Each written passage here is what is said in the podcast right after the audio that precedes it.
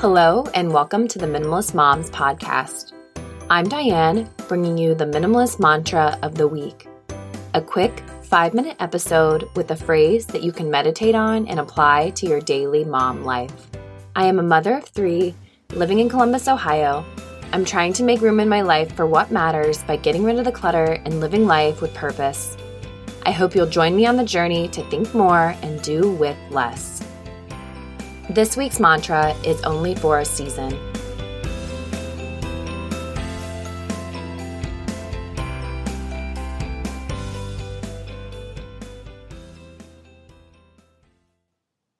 I don't know about you, but it's typically around the conclusion of February when I'm just done. I'm done with the cold Ohio weather. I'm done being stuck inside. I'm done with the sickness of my child, whom prior to preschool rarely had a case of the sniffles. I'm ready for spring. I'm ready for some sunshine. I'm ready to be in a new season, both literally and metaphorically. The funny thing is that prior to motherhood, I loved the late fall and winter months. I love giant coats, cozy sweaters, snow boots. I feel like I'm at my best in these months.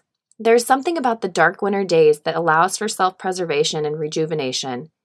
Basically, I could have been a brown bear in another life. But that all changed when I became a mother. Gone are the days when I could snuggle under a blanket and read a book for hours. Gone are post church naps.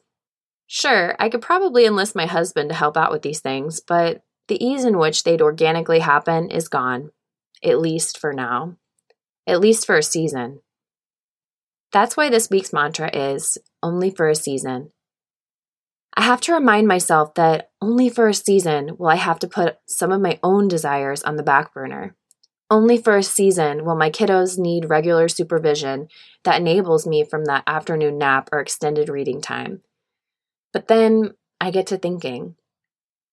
Only for a season will my children allow me to snuggle them in my lap. Only for a season will they need me to help wipe their runny noses. Only for a season will I be the only one to calm them down after they've skinned a knee. My babies are going to be little only for a season. I will no longer be picking up the toys from the floor only for a season. I'll no longer have to get up every other hour to feed my newborn back to sleep. I'll wish I would have enjoyed the time more. I'll realize that despite the short season, I'll have wished it would have lasted a lifetime. Let me know how you put this week's minimalist mantra into practice on Instagram or Facebook. You can find me at Minimalist Moms Podcast. If this week's mantra was particularly impactful to you or you think a friend would benefit from it, please pass it along. I've included a complete transcript of this podcast on the website minimalistmomspodcast.com. And don't forget to leave a rating and review on iTunes. It helps the podcast reach others as they begin their own minimalist journey. I wish you a lovely week as you think more and do with less.